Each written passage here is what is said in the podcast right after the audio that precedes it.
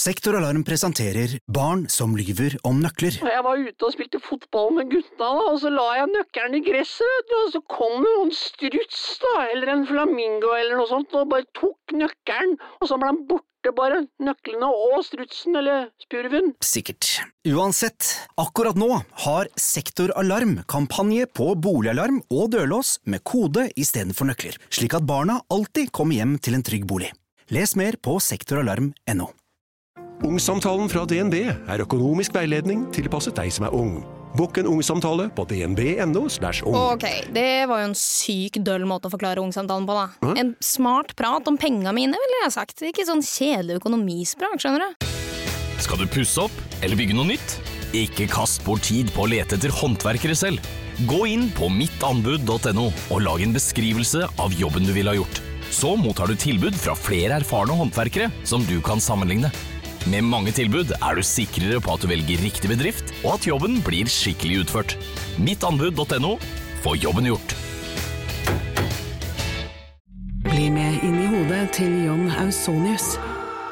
Bedre kjent som Lasermannen. Han nøt å se seg selv på nyhetene, men han var ikke fornøyd. Han skulle jo drepe. Det samme året skulle han skyte to mennesker til, før han omsider oppnådde målet om å drepe. Hør på innsiden av Psykohoder med Jonas Alf Oftebro og rettspsykolog Susanne Nordby Johansen. Gratis der du hører podkast.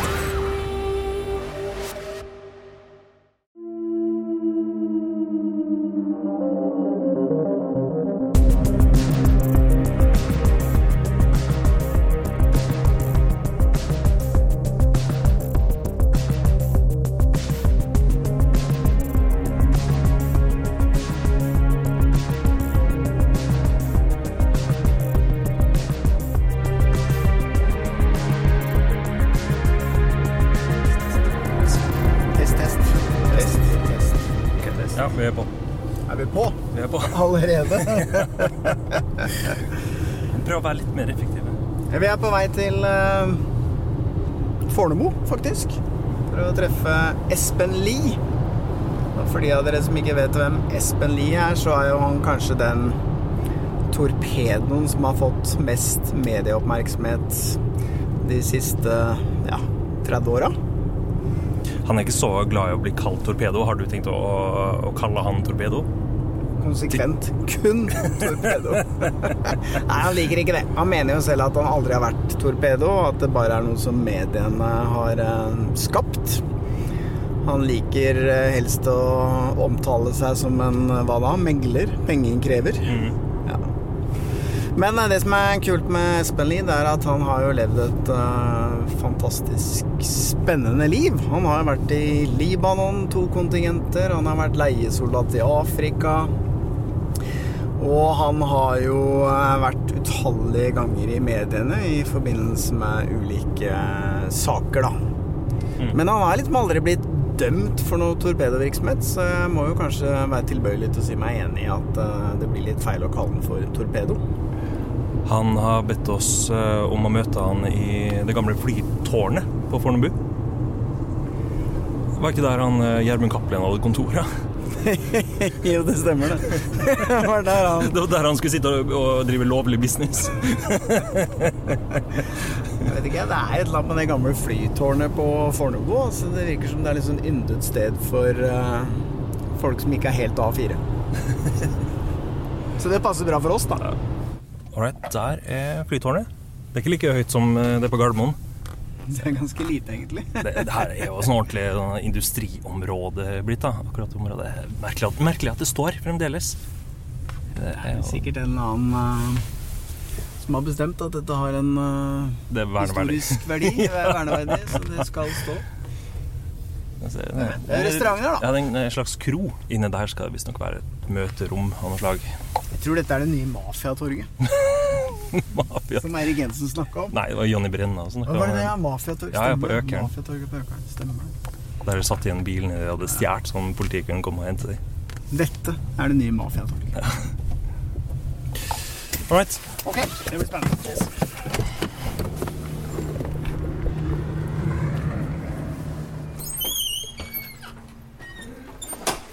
All right. Det er Her, nå er vi inne i kroa. Utland Internasjonal. De har litt sånn her eh, Nesten som et uh, flyplassmuseum. Ja, det er faktisk det. altså. Masse bilder og Man skulle vente oss inne på Purses Corner. Hvis det er et eget møterom. Et møterom. Er det hans kontor der, eller? Jeg vet ikke. Men vi er jo på Gangstertorget. er vi ikke? Et øyeblikk. Et øyeblikk. Kom inn. Hei sann. Ja, ja, takk for sist, Espen. Er dette, er du opptatt? er dette kontoret ditt? Dette er kontoret på Fornebu. Det er litt sånn fascinerende, det gamle Gamle fly. tårnet. Gamle tårn, ja. Masse bilder av fly og ja. mye SAS og Bråten Safe, ser jeg. Ja. Mye historie. Men vi kjenner jo til en annen som hadde kontor her. Ja. Cappelen. Ja, det stemmer det. Han satt eh, der oppe. Ja. Kjenner du han, eller? Nei, jeg, ikke, ikke vi annet enn via media. Ikke noe annet enn at dere var på Hot Heels. ja, ja, nei, ja, jeg har vært oppe på kontoret der, for jeg skulle ha tak i en annen som satt der oppe en gang i tida. Så, men det gikk stille og rolig for seg. Men du må, jeg må spørre. Du blir jo kalt for torpedo. Er du det? Nei. Jeg har aldri sett på meg sjøl som en torpedo. Jeg har aldri domfelt i forhold til at jeg har vært torpedo. Eh, Jeg, f- kaller meg sjøl som megler, eller i gamle dager så kalte jeg meg for eh, pengekrever når jeg begynte med det greiene her. Så du liker ikke den betegnelsen, egentlig? Nei, jeg gjør ikke det, fordi torpedo det er, eh, det er en annen type mennesker som kommer. Og det er de som gjerne kommer etter at jeg ikke kommer noen vei med en sak, f.eks. Som ikke spør, som ikke er så veldig opptatt av hva som er eh, rett og galt i, i forhold til casen. da. Så du er liksom han som kommer før torpedoen for å prøve å finne en løsning? Ja, helt riktig. Ja. Og, der, eh, og i, i, i de fleste tilfeller så finner vi den løsningen lenge før vi kommer til at det skal være behov for å bruke en torpedo. Men du har jo et rykte. Ja. Veldig mange har jo hørt navnet ditt og er litt redd for deg, kanskje. Vi Stemmer var det. Ikke hold foran Du vi var jo livredde før vi gikk inn her. Helge, for eksempel, han eh, så helt likbleik ut. Jeg har den stanga Monobåten Ja, jeg bare vippen, den. Så Men hvordan, eh, hvordan oppfatter folk deg når du eh, kommer for å snakke med dem? da? Nei, det er forskjellig på, fra, fra case to case.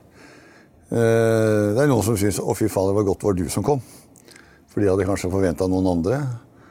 Og så er det andre som blir eh, helt borte og prøver å stikke av. Prøve å unndra seg å, komme i, i eh, Eller å møte meg i det hele tatt.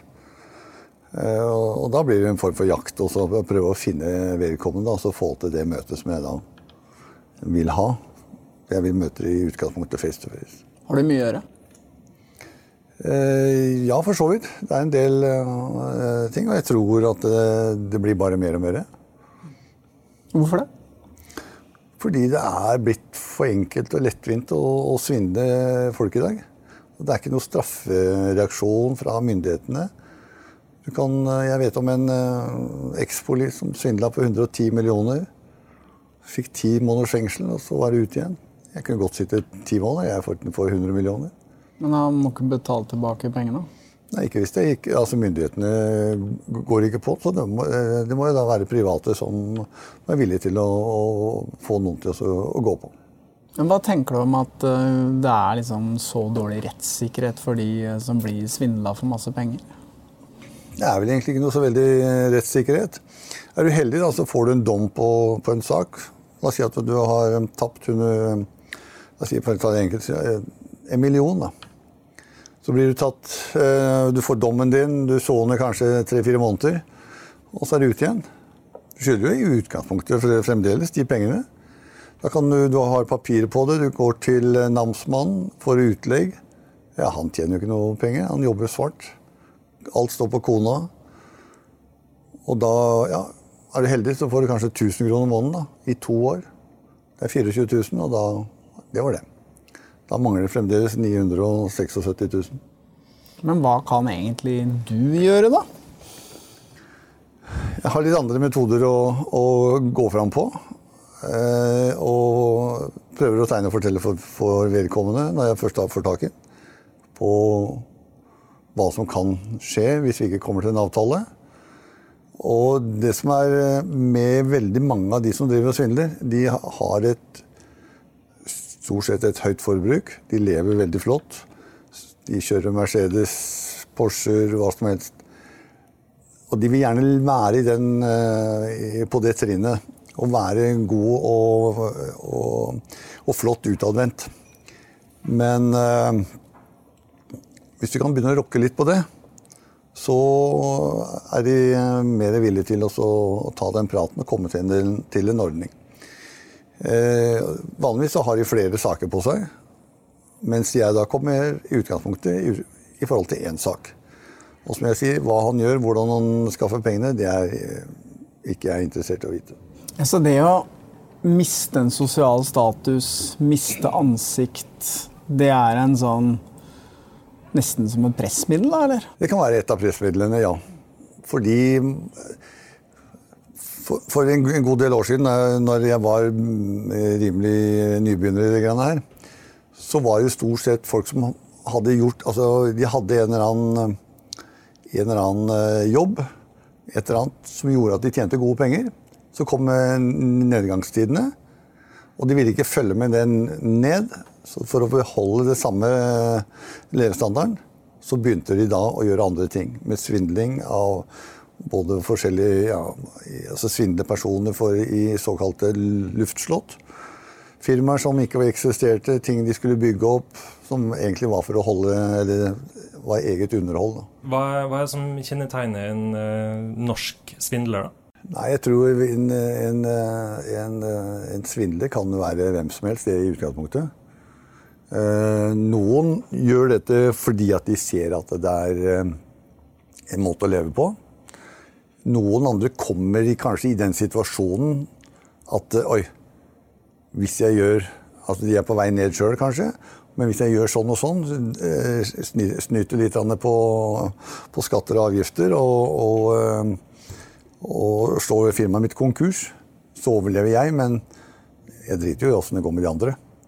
Og litt kanskje er feil å si uforskyldt oppi det, men, de, men de, det er situasjonen som oppstår som gjør at du, faktisk kanskje finner ut at det er lettere å svindle enn å, at du går nedover sjøl. Har du noen skrupler med hvilke oppdrag du tar på det? For det er jo forskjell på en seriesvindler som har svindla hundrevis av mennesker, og en person som har vært desperat og, og, og, gjort én dum ting? Jeg vet ikke. Eh, nei, eh, men altså, jeg, jeg, tar, jeg tar og ser på de forskjellige sakene. Og går gjennom eh, papiret, undersøker litt med, om vedkommende. Og sånt. Jeg har hatt eh, saker hvor eh, akkurat det som jeg sier, er kommet i en uheldig situasjon sjøl. Og det enkleste måten å komme ut av det på, er også da å la være å betale noen andre Eh, sånn. Jeg har et godt eksempel oppe på Lillestrøm, hvor eh, vedkommende da hadde svindla eh, kommet i en situasjon hvor han hadde utelatt å betale. Han hadde kjørt helt greit inntil et visst sted, så stoppa det. Og Da fikk jeg spørsmål om jeg kunne dra på og snakke med vedkommende. Og det gjorde jeg. Tar undersøker litt, finner ut at det er kanskje ikke så bra stilt som det vedkommende oppdragsgiver mener. Kommer opp, kommer inn i leilighetene, ser at det er en sånn eh, kommunal leilighet. Han har én stor, stor gammel eh, sånn, eh, fra, sånn godstol, kan du si, sånn fra, fra 50-tallet, 60-tallet. Banankasse med svart-hvitt-TV på. Det er ingenting på, TV, ingenting på veggene. Ingenting. Kommer inn der. Han åpner og slipper meg inn og alt sånt. Og jeg ser at det her er ingenting. Det står ikke noen bil i opp, eller noen ting. Så da forteller han at nei, han har gjort sånn og sånn. Og beklageligvis så var det da min oppdragsgiver som hadde gått fyken der. Det jeg gjør da, jeg sier at ok, jeg ser at dette er gærent, men jeg kommer tilbake om tre måneder. Hvis jeg ser det begynner å komme bilder eller andre ting i kåken, så vet jeg at da har du begynt å tjene penger igjen. Da gjør vi en avtale. Som sagt så gjort. Kommer tilbake i tre måneder. ser like jævlig ut, for å si det pent. Han hadde madrass. Han hadde ikke seng, men han hadde madrass inn på soverom. Eh, Jeg kom tilbake da nye tre måneder, så da var det gått seks måneder. Da var TV-en bytta ut. Da var det farge-TV. Han hadde fått en eh, Jeg skal ikke si at det var nymoderne, men i hvert fall en eh, salong der. Han hadde fått seng. Så sier jeg nå ser jeg at du tjener penger. Nå kan vi komme til en avtale. Og det gjorde han. Og han begynte å betale. Jeg har lyst til å gå litt tilbake til eh, begynnelsen. For du har jo en, et lang, en lang historie. Du har jo gjort mye rart, har jeg fått med meg. Er det? Eh, for du var jo bare 17 år gammel da du gikk inn i Forsvaret. Jeg blei 18 det året jeg gikk inn i Forsvaret. Ja. Og du var to runder i Libanon, var det sånn? Jeg var tre runder i Libanon. Jeg var i kontingent 1 og 2. Og så var jeg i kontingent 7. Hvordan var det å være i Libanon på den tiden? Jeg syns øh, den tjenesten var veldig grei. Eh, jeg øh, likte den type tjeneste. øh, I forhold til det å være hjemme og være befal i, øh, i hjemmet. Og drive da opplæring av nye sersjanter som, som skulle ut da. Eh, så jeg likte den actionen. Det var ikke det at det var mye action, men det var jo noe. Og øh, følte at det var øh, Hva skal jeg si for noe? Det var litt av meg, det som skjedde, da, for å si det sånn. At jeg var mer inne i det enn kanskje mange andre. da. Men har du en historie fra den tida? Ja, jeg, jeg vet ikke hvem jeg skal pl- plukke ut her, men øh, Jeg har jo en fra altså vi, vi har jo da, Jeg likte alltid å være på utepost. Slippe å være inne i, eh, i, på selve basen. Utpost var mye friere. Du kunne gjøre litt uh, Altså alt som ble gjort, det var uh, det var, det var du som sto for alt sammen. Var, du styrte hele greiene sjøl. Og vi fikk da forsyninger to eller tre ganger i uka med mat og, og mat og drikke og post som kom, da. Og den, eh, den ene, en episode var jo at eh, vi fikk eh, Det begynte å komme noen bomber fra Haddad, som da var libaneser, men som støtta Israel. Og han sendte noen bomber, og da skulle vi da gå i gaupe, som det heter. Og det var å gå i, i de dekningsrom. Og som, som befal, da, så, eh, så sendte jeg alle gutta i, i dekningsrommet. Så gikk jeg opp i tårnet sjøl. Og for hver gang det var et nedslag i området, så skulle, så det, skulle jeg melde inn. Og så begynte de der eh, granatnedslagene kom jo nærmere og nærmere eh, denne OP-posten. Og eh, jeg melder ifra. Da er det 300 meter ifra. Da er det 250 meter ifra. Nå er det 100 meter ifra. Så hører jeg bare den andre eh, som sitter på operasjonssentralen inne i, i, på headquarter der. Jeg sier, det neste får du i hodet! Hva gjorde du da? Nei, jeg ble, jeg ble sittende, men da stoppa det. De eh, som hadde Haddad og de, de hadde da fullstendig kontroll. Og de visste at det satt en idiot oppi det tårnet der, som ikke gikk. Og, den, eh, og da stoppa det ca. 100 meter fra den siste granaten, tror jeg. Nå har jo aldri jeg opplevd noe sånt, men jeg må jo tro at det å liksom være i en krigssone, oppleve liksom granatslag og skuddvekslinger, det må jo være litt jeg vet ikke, Har du liksom hatt noen problemer etterpå? I, ikke i forhold til, eh, til uh, Libanon. Eh, eller i hvert fall det jeg tror ikke, kommer der. For jeg hadde i hvert fall ikke noe relativt etter det. Eh, men jeg var jo Jeg reiste jo Jeg kom hjem når jeg var ferdig i kontingent 2, og så eh, gjorde jeg ferdig min kontrakt med Forsvaret. Og så reiste jeg ut til Afrika. Hvor jeg da opplevde helt andre ting, og hvor det ikke var vi hadde ikke, vi hadde ikke, det var ikke behov for å ta de hensynene der som det vi gjorde i Libanon. Men du, du blei rett og slett leiesoldat? Ja, det som den gangen ble kalt eh, leiesoldat. I dag så er det sikkerhetspersonell. F.eks. når amerikanerne gikk inn i Irak, så hadde amerikanerne 90 000 soldater, mens det var 180 000 sikkerhetspersonell. Så det sier behovet for det å kunne ha såkalte leiesoldater eller sikkerhetspersonell som er i dag. Men hvem var det du jobbet for i Afrika? Jeg jobba for eh, myndighetene i eh, Sør-Afrika. Hvor vi var på grensa til, eh, til Angola, eller på, mellom Namibia og Angola. Namibia ble jo styrt, og blir kanskje styrt mer eller mindre av Sør-Afrika i dag også. Og hvor vi da skulle stoppe Swapo-tilhengere som kom inn og skulle over på grensa og driver med sabotasje. Sapo-tilhengere, vi må bare få rydda litt opp i det. Svapo. Svapo. Hva var det for noe? Det er, eh, det er da det, Hva skal jeg si den, eh, De skulle da inn i og, og, altså Det var da hvitt styre. Og de skulle da eh, sprenge da, eller gjøre andre terrorgreier i, i Namibia, eller, eller, også komme inn i Sør-Afrika. For det var lettere å passere Kom du inn i Namibia, så var det lettere å komme inn i Sør-Afrika. Men hvordan var det å ha en sånn type rolle der nede på den tiden? Da? Var det mye skuddvekslinger? Og... Det skjedde jo litt mer enn der enn det gjorde i, Libanon. Eh, det hadde skuddvekslinger. Eh, og og ja, hva skal jeg si for noe? Jeg likte det livet, da. Du, du, du, kan si at det, det vi, vi, sitter og snakker om på den tiden som jeg er der nede, la oss si det er uh, seks måneder, da.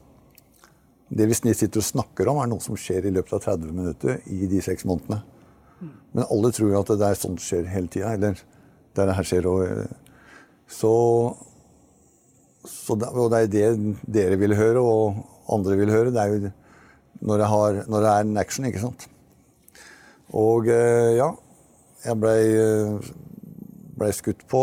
Ble, fikk et sånt um, skudd i like rikosjett i kroppen. Uh, og kom også på, på, sykehus der nede. Men uh, det er som jeg har sagt mange ganger til, til, til, til andre altså jeg har såpass bra syke Ellers er jeg så tjukk i huet at det ikke det, det, går, eh, det, går ikke sånn nevneverdig inn på meg. Jeg, og jeg liker den faren som det er å, å, å, leve i det. Det er et adrenalinkick der og da, selvfølgelig. Så um, min greie er at uh, jeg gjorde det for to ting. Det var for at uh, det var penger i det. Og det var uh, en mulighet til å komme vekk hjemmefra. Eller det var ikke at jeg rømte fra noe, men kunne være borte. Være, du blei litt spesiell når du også kom hjem. ikke sant? Alle ville snakke med deg. Alle syntes at du var en kul fyr og ville høre storyer.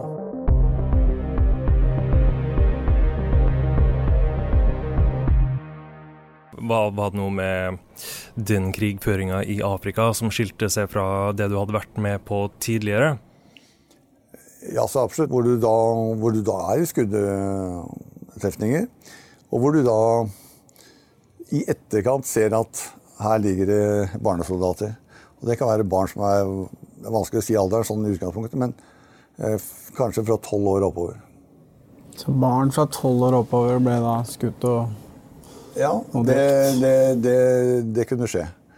Og eh,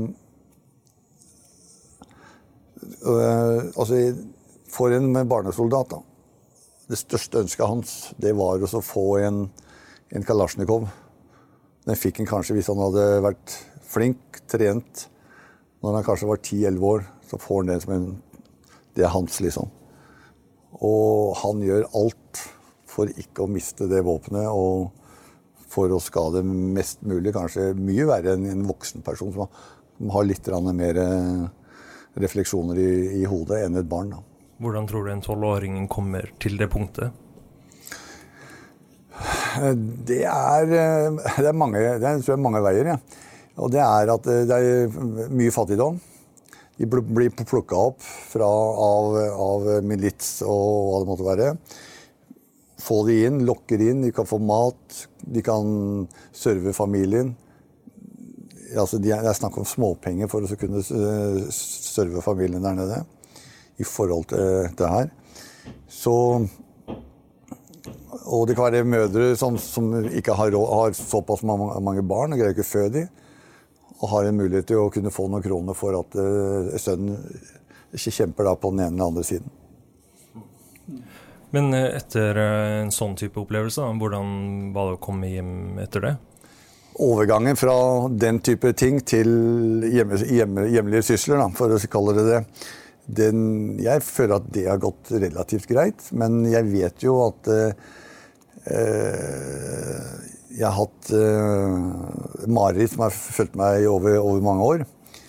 Hvor jeg da våkner midt på natta og er helt borte i forhold til der hvor jeg egentlig er. da og svetter og faktisk kan veive og slå rundt meg også.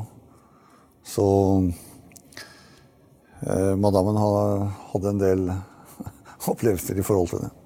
Drømmer du da om konkrete hendelser som du husker? Ja, ja. Og, og, det er hendelser hvor du da Gjerne du kommer i en situasjon hvor du egentlig ikke Du kommer ikke noen vei. Og du blir stående eh, Altså, du, du kommer ikke ut av situasjonen. Da. Det er det som er. Og du vet at eh, Altså, det neste er at du blir skutt eller blir eh, lemlesta. Du kommer ikke Og du, stopp, du, du kommer bare ikke noen vei. Og, og da våkner du? Da våkner du, ja. Jeg har sånn til, hatt noen sånn tilsvarende drømmer. Vet ikke om det blir helt det samme.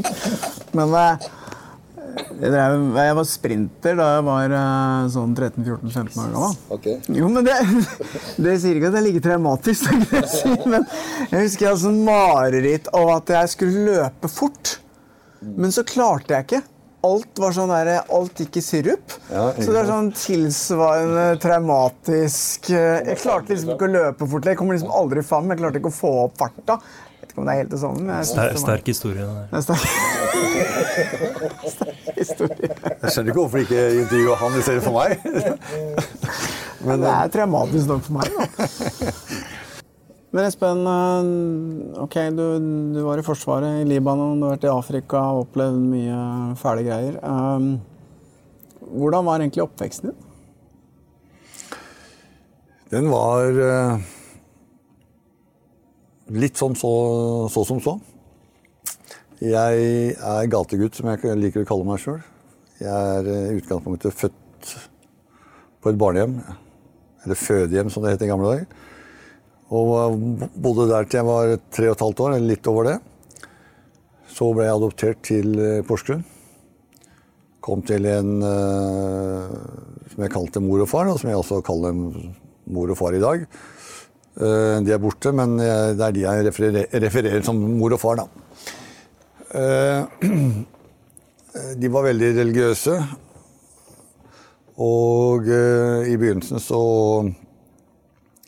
Første året så var det sikkert det helt greit og, og sånn.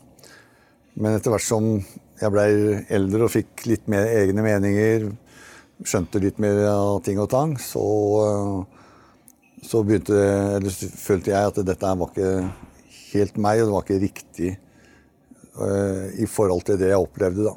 Hvor det var, hvis jeg, jeg kunne Kom jeg for seint hjem, eksempel. Jeg hadde da, fikk ikke lov til å være lenger ute enn sånn og sånn og sånn. Da var døra låst. Da måtte jeg ringe på, og så måtte jeg bare håpe at det kom noen som, eh, som lukka opp. Og det var eh, gammelen som var sjef i huset. Og dette var for hans måte å se på som en oppdragelse, da. Og eh, han eh, Ja. Han eh, Jeg vet ikke hva skal de var, de var 48 år når jeg kom til de. Da var jeg 3 15 år. Og de hadde ikke noe barn fra før, og hadde ikke noe formening om hvordan det var å ha barn. Så jeg skal ikke si at de gjorde sitt beste ut fra situasjonen, det vet jeg ikke si. Men og det, hvis jeg gjorde noe galt, eller uh, gjorde feil Kanskje ikke direkte galt, men jeg gjorde feil enkelte ting, så, så vanka det juling. Og hvis en kamerat sa at ja, Espen hadde banna, da var det rett ned. Bare ned i uh, Ned i uh, kølbingen i kjelleren. Stå og vent der jeg kommer. Og Da vanka det ris på ræva. Etter hvert så gikk det riset på ræva. Det blei borte, men du fikk ørefiker. Og eh, en eh, høstdag som jeg var 15 år, så stoppa jeg slaget til, eh, til gammelen. Sa at nå er vi ferdige. Nok er nok. Og ikke så lenge etterpå så, så reiste jeg hjemmefra. Men traff du noen gang dine biologiske foreldre, da? Jeg traff uh, de biologiske først når jeg var 28. Uh, det, men det var, for når jeg møtte de, så var det liksom Da hadde jeg starta egen familie sjøl og hadde barn. Og følte vel ikke noe spesielt med de. Det var uh, Men det var et eller annet som, som da gjorde at jo, hadde, det var et stykke om meg, vi menn. Og så fikk jeg da et brev fra noen som mente at det kanskje jeg var en uh, i familien der. da. Så tok jeg kontakt med de, og så møtte jeg de. Og så presenterte de det både for, uh, for min biologiske mor og min biologiske far. De var ikke, ikke sammen, men, uh, men, den ene bodde i Arendal, og den andre bodde i, i Kristiansand. Hvordan var det møtet, da?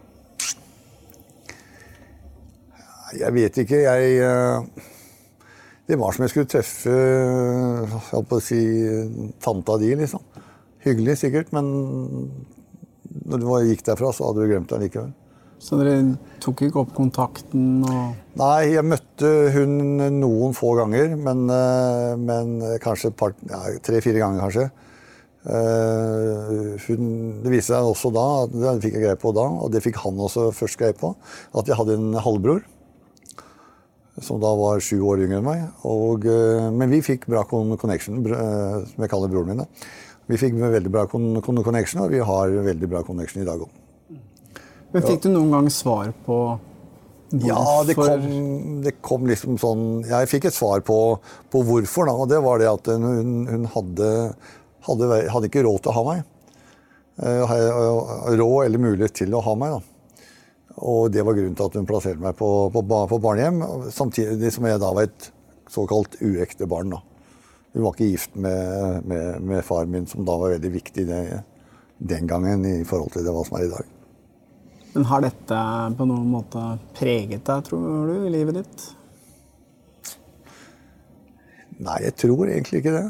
Ikke, det er kanskje andre som kanskje bedømmer det bedre enn meg, men jeg tror egentlig ikke det. Fordi jeg traff de så seint. Hadde jeg truffet de når jeg var 15 år, eller sånt, så hadde det kanskje vært noe, noe, annerledes. Men eh, jeg var ferdig med det å knytte meg til eh, Jeg var ferdig med, med, med mine adoptivforeldre. Fått det på avstand. Jeg, jeg, jeg hadde mitt eget, eget liv. Alt fungerte som jeg syntes var greit. Så jeg hadde ikke noe behov for, for, eh, for det å, å, eh, å, ha så mye kontakt. Og som jeg Unnskyld.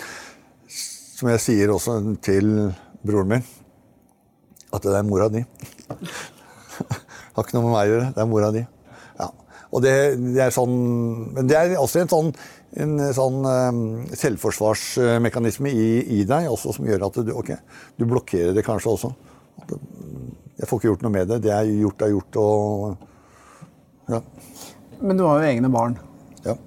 Har det på noen som helst måte Hvordan har det liksom preget Har det preget ditt forhold til dine egne barn? Nei, det, det, tror jeg ikke. Jeg har et veldig bra forhold til, til barna mine. Uh, og uh, har veldig bra kontakt med dem i dag. Um, så jeg skal ikke si at jeg har vært den perfekte far, langt derifra. Men eh, jeg lærte jo hva Eller jeg visste i hvert fall hva jeg ikke skulle gjøre. Og det var i forhold til hvordan jeg hadde det hjemme i, i Porsgrunn. Mm. Du er 15 år og forlater dine adoptivforeldre. Hva, mm. hva gjør du da? Eh, eh, det er at jeg kommer på et ungdomshjem i Fredrikstad. Er der i, fra oktober til skoleslutt. Jeg gjør ferdig skole, eller nyår i skolen der. Så, så, det er det som skjer.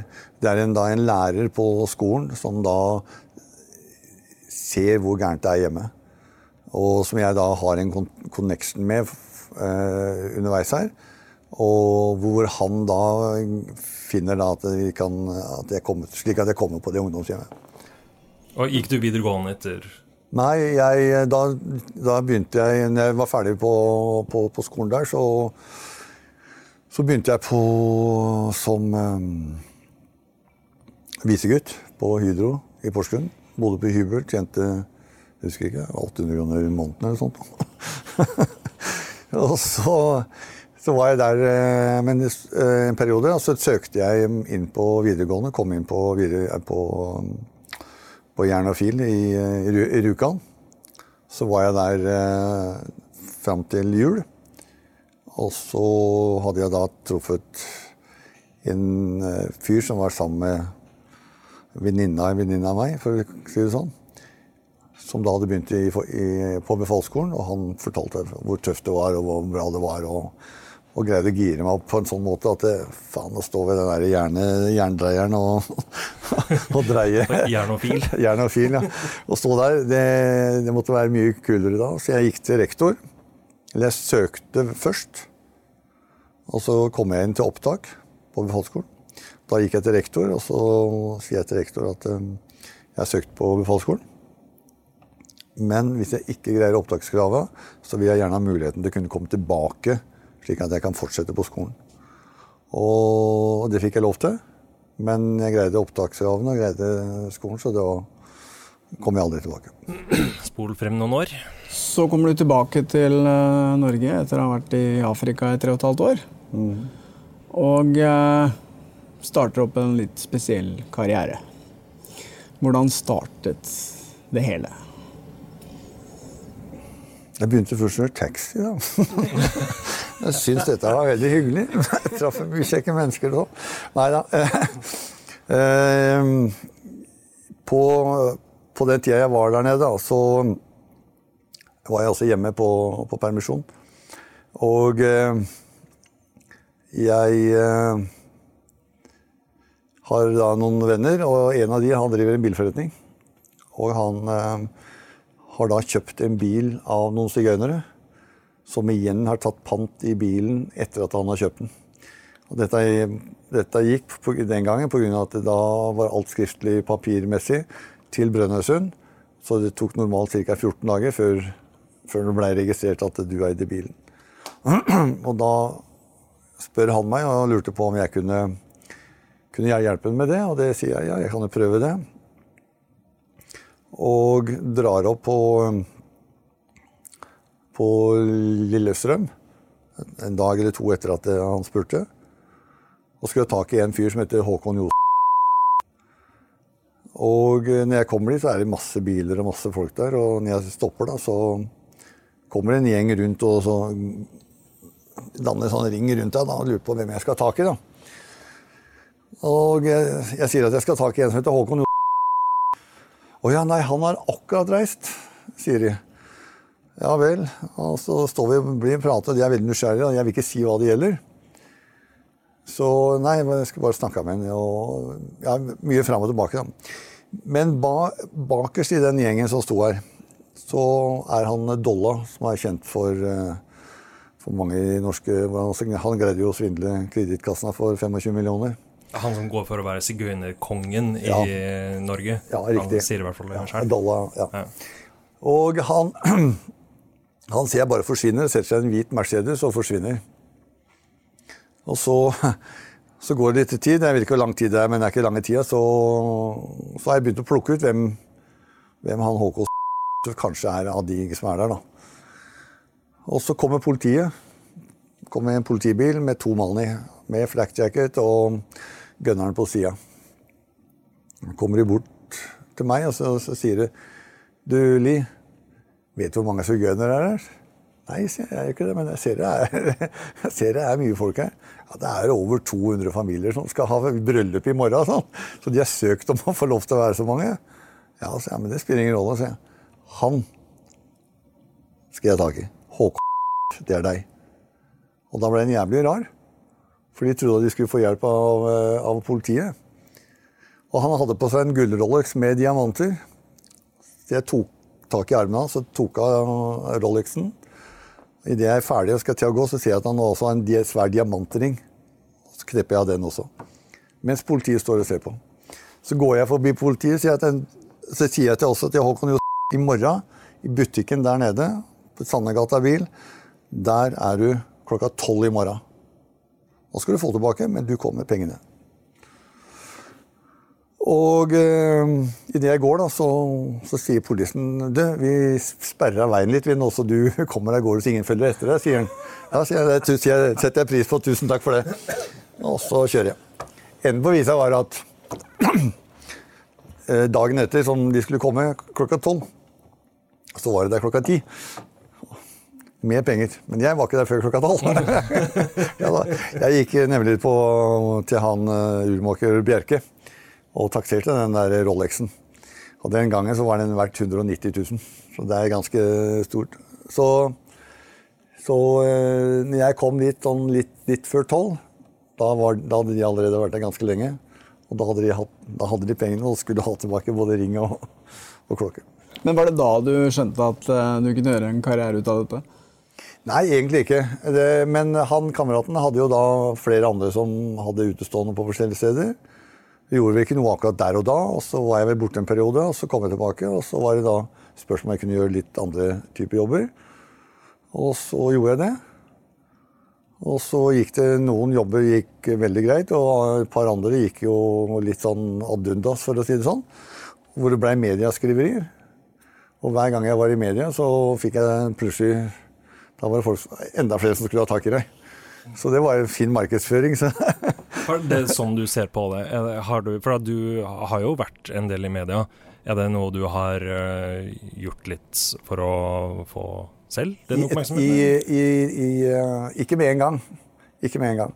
Eh, men jeg skjønte et, ganske tidlig at hver gang jeg var arrestert for noe, eller det sto et eller annet i, i avisa i forhold til det eller til, til andre ting, så, så det, ble det pågang. Jeg husker jo en gang jeg var blakk som en kjerkerotte. Eh, så tenkte jeg, hva gjør jeg nå? Ikke kunne jeg gå på Nav. Ikke, det var ikke, ikke sant? Det var ikke sånt. Så jeg tok en tur ned, ned, til, ned til sentrum. Jeg bodde da i Oslo. Så gikk jeg fra jernbanestasjonen og opp til Aker Brygge og tilbake igjen. Da hadde jeg tre jobber. Bare på å gå fram og tilbake? ja. Da hadde jeg- tre jobber. Da var jeg i gang. Da skjønte jeg dette er eh, noe jeg kan, eh, kan, eh, kan overleve på. Men disse casene Du har jo blitt arrestert noen ganger, du sier jo det. Ja, Hva var det som skjedde da? Nei, litt forskjellig, men jeg hadde jo da i forhold til, til Hva skal jeg si for? Ta en sak med i forhold til Jannik, da. Som er akkurat i media for, for øyeblikket. Eh, Kompisen til Røkke? Kompisen til Røkke, ja. Jeg kjenner jo Jannik fra, Jannik fra den gangen. Og Jannik er en, eh, er, er en snill gutt i utgangspunktet. Eh, driver litt i forhold til det samme som det jeg gjør. Han er, kjent, er mer kjent som pokerspiller, men, men eh, det går vel litt på mange ganger at man, man, man reagerer på urettferdig, da. Eller urettferdighet. Og så kan du si at eh, noen ganger så har det kanskje gått litt for langt i forhold til det å prøve å gjenopprette det. Og det er jo da du i utgangspunktet kanskje har blitt bura også. Men øh, øh, Det var eh, han Jannik, da, og så oppdragsgiveren, så var han eh, Atle Hamre. Vi eh, Ja, for det var han kusken, var det ikke det? ja, riktig. Så, og der var det en fyr da, som, borti Bergen, utafor Bergen da, som eh, da ikke hadde betalt Det var ikke, var ikke store pengene, men og snakk om 80 000-90 000 kroner en gang hvor han ikke hadde betalt for uh, om det var oppstalling eller um, whatever. Jeg husker ikke. Så vi dro, dro, dro over der og, og uh, tok tak i fyren. Og eh, vi skulle da ta med fyren og gå og, og dra til banken. Det vi ikke visste, var at lensmannskontoret lå vegg i vegg. så før vi kom til bilen, så kommer det løpende tre, tre, tre menn. Og de hopper bare på deg, ikke sant. Og så, eh, og så eh, og der, eh, Jeg tror han som hoppa på Jannik, var han som fikk mest, mest pepper, for å være helt ærlig. Men de hadde ikke presentert seg. De, pres de sa jo ingenting at det er politi, stopp, liksom. Eller stopp i lovens navn. Er ikke det? Er ikke, er ikke det på Egon? På, på, Olsenbanen. Men nei, de bare hoppa på. Jeg var den, såpass rolig av meg at jeg liksom Ja, OK, hva, det, hva, hva vil dere, liksom? Og Da var det jo fram med skiltet, da. Men da lå han ene polista på panseret, da. og vi blei da huka, da, og så blei vi kjørt ned til, eller inn til Bergen og satt natta over i Bergen, da. Så det, det var liksom Og da med presse og det som var da når vi kom ut om dagen etterpå, og, det, og da tok det jo liksom helt av, da. Og eh, ja, det her ble jo en stor nyhetssak. Ja, det, ble det var veldig, tidlig 90-tallet? Ja, 92? Ja, ja. ja. Jeg, husker ikke tallene der. Nei, det er nok før det. Jeg blei vel Jeg tenker Ja, jeg husker ikke Nå går litt sånn surr inn Jeg har liksom liksom referert til ja, Jeg ble skutt i 90, liksom. Var det før eller etter det? Var, altså jeg ble skutt i Oslo. Men sånn Men, men, men, men, men stopp nå. Du ble skutt i Oslo. Det må jeg høre om. Ja Ja, skal jeg si det her, da? Det var også da en som En, en fyr som hadde Han ble kalt for Hallik-Frank. Han drev og sjekka opp damer, og så gjorde de avhengig, de avhengig av seg på en eller annen måte. Og trua sikkert og pressa og alt mulig rart. En fyr sa en fyr. Eh, han eh, hadde da blitt sammen med hun prinsesse Lytken, eller eh, hun hadde vært gift med en nede i Frankrike som hadde en tittel. Så, så, han hadde blitt sammen med hun prinsesse Lytken, eller uh, baronesse Lytken Jeg husker ikke. Et eller annet sånt i hvert fall. Flott og fint skulle det være. Men uh, så fikk jeg greie på det Nei, så han uh, hadde pressa en fyr som da hadde vært sammen med hun før, som hadde snakka dritt eller dårlig om hun. Og det skulle han ha betalt for, da. Og han kom jo til meg. Og så sier jeg ja, jeg kan jo ta tak i det. Så får jeg greie på da, i løpet av en dag eller to etterpå, så får jeg greie på at han sitter på en uterestaurant i Oscars gate. Altså på hjørnet på Oscars gate Frognerveien. Der er det en uh, utekafé. Jeg får greie på at han sitter der. Så jeg drar dit. Går inn på utekafeen. Han ser at jeg kommer inn, og han skjønner at det er han jeg er ute etter. Han uh, reiser seg brått opp. Stolen hans går i gulvet, eller går i bakken. Da. Han trekker seg tilbake. Uh, og så tar han fram en pistol. 9 mm Browning. Jeg går fremdeles mot den. Så tar han ladegrep. Da skjønner jeg at det er skudd i kammeret. Og da stopper jeg. Og så, så sier jeg at jeg kommer fra han og han, og det de pengene som du prøver å, å, å presse deg til, de får du ikke. That's it. Så går jeg ut, rygger ut og ut av, av kafeen der, og så sier jeg til betjeningen altså ring politiet. Da kom han gående med, med pistolen i, i hånda. Kommer ut der, så går du ned til venstre mot Frognerveien. Der er det ganske stort kryss. Ganske breit kryss. Jeg går på den ene sida, og han går på den andre sida ned mot ja, Solli plass, er det det heter. Og så, så ser jeg at han putter vekk gunneren. Tenker jeg nå at jeg greier å løpe over der og, ta, og få tatt tak i den. Og det gjør jeg. Jeg løper. Men når jeg er da 8-10 meter ifra han, så, så snur han seg, ser at jeg kommer mot den. Og han drar opp pistolen, sikter, og så skyter han. Idet han skyter, så er jeg på vei opp i lufta. Han sikter mot brystet mitt. Jeg er på vei opp i, i lufta fordi at jeg skal Min tanke er å sparke ned Altså ja, skal sparke ned. Så han treffer meg idet jeg er på vei opp, hvor han treffer meg da i hofta og ikke i brystet. Jeg lander på, lander på, på beina, tar trykkpunkt, noe som jeg har lært fra før. Løper noen skritt etter han, får tak i for Han, han torde ikke skyte en gang til. Får, jeg får tak i en sånn skulderpute han har i dressjakka. Og når jeg for, for, hold, holder i den, så sklir den sånn halvveis ned på, på ryggen, og så svikter beinet mitt. Og da går jeg i bakken. Da slipper jeg. Og da løper han bare videre, rundt og bort i noen kvartaler.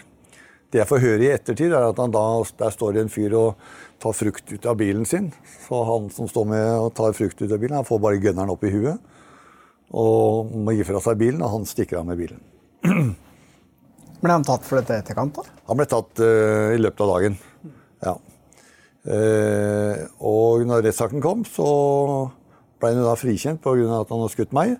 Og fikk ni måneder for at han hadde trua til seg den uh, bilen. Han ble frikjent for å ha skutt deg? Ja. Hvorfor det? Det, det, de mente, var at, at de kampsporten som jeg kunne, var likestilt med, med, med, det å ha en pistol.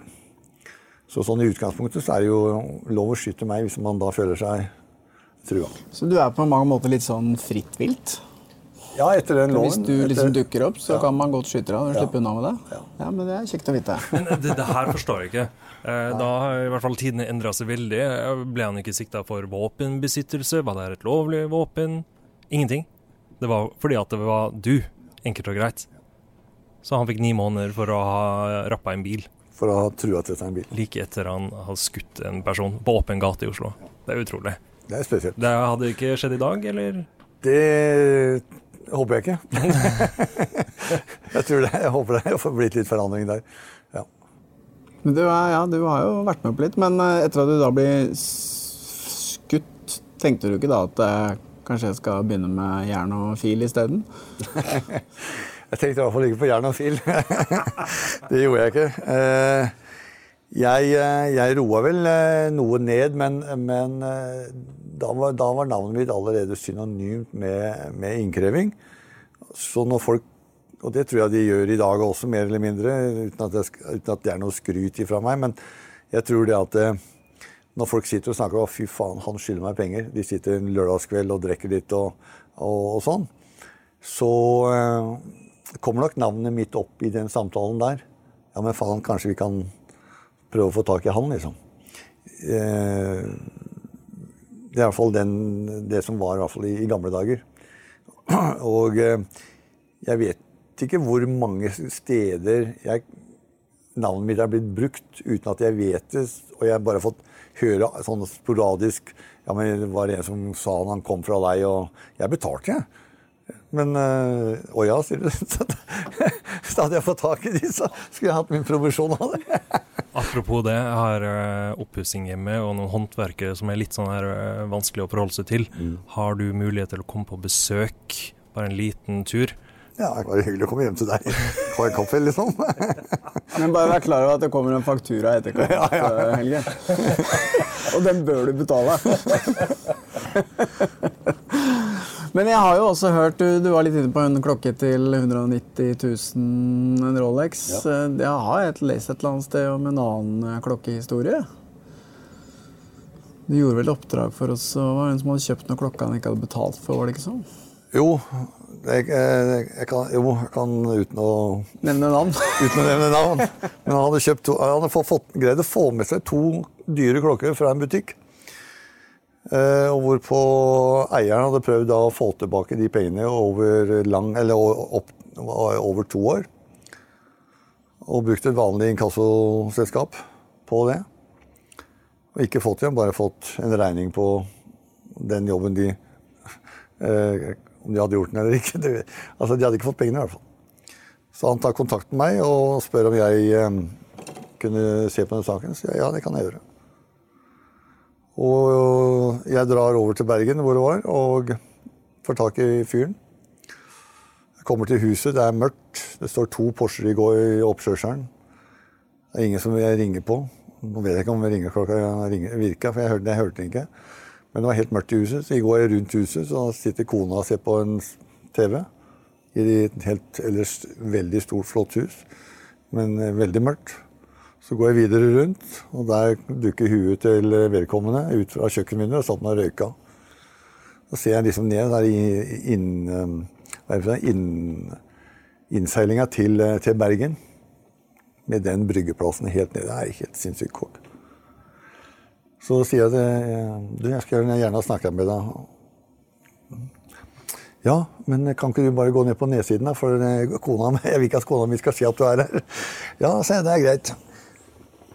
Han, han kjente meg igjen. Jeg går rundt huset, og kanskje enten så låser han bare alle dører, og, og onkel kommer hvert øyeblikk.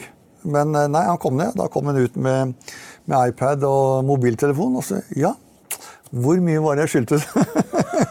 og hvem var det jeg skylder?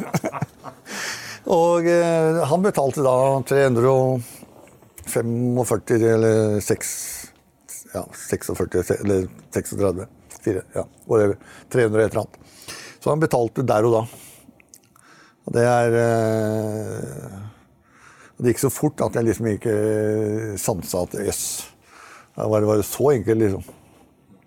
Og det hadde da et kjent inkassoselskap brukt to år på å ikke få til. Litt spesielt.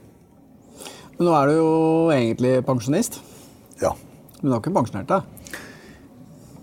Nei. Nei. jeg har ikke det. Er det fortsatt um, mange jobber? Det er mange jobber. Det er en del jobber jeg sier nei til nå. Det, det er det fordi jeg, jeg, får veldig mye spørsmål og, og, og, og sånn. Men de sakene som er nå, jeg liker å jobbe litt med de. Og, og prøve også å ja, gjøre så godt som mulig, da. Det er ikke alle saker du greier å løse heller. Og det, det gir jeg også klar beskjed om. Så Men litt større saker som jeg syns er mer morsomt enn å bare gå på døra fordi at vedkommende skylder en annen en hundrelapper, liksom. Det er liksom det, det er sånn de egentlig kunne ordna opp i sjøl. Hvordan ser egentlig markedet ut i dag og framtiden for det du holder på med? Jeg tror mitt marked det er bare noe som kommer til å bli større og større. Og det er eh, forskjellige årsaker til det. Det er at eh, politiet eh, gjør Eller de har ikke ressurser til å kunne følge opp hver enkelt sak. Politimannen i gata gjør helt sikkert en veldig, veldig bra jobb. Og de gjør det de må gjøre. Men det er så mye svindel i Norge, og med nordmenn, både nordmenn som blir svindla, og nordmenn som svindler, at, at jeg tror ikke at jeg behøver å være arbeidsledig. Det tror jeg ikke. Så litt oppsummert, da, hvis du liksom, til våre lyttere der ute, hvis du er en svindler, eller du har planer om å svindle noen, så kan det godt hende at de får en telefon fra deg? Det er mye mulig. Det er en større sjanse enn at politiet kommer på døra.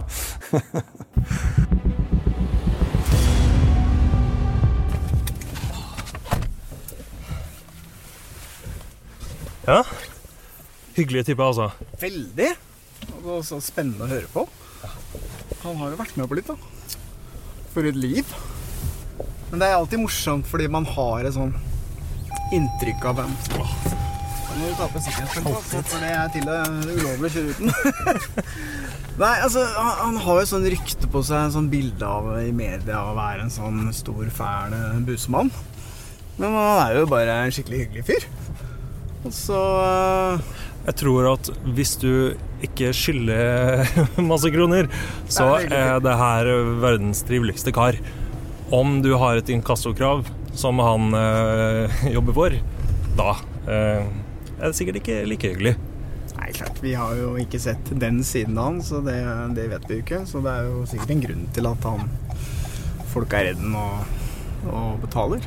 Men så tenker jeg også at hvis det er sånn at folk driver og svindler og holder på og det ikke får noen konsekvenser, så syns jeg det egentlig er helt greit, ja. Mm. At han dukker opp og sier 'nå må du betale'. Nå får jeg bare gi gass. Jeg må hjem og betale noen regninger.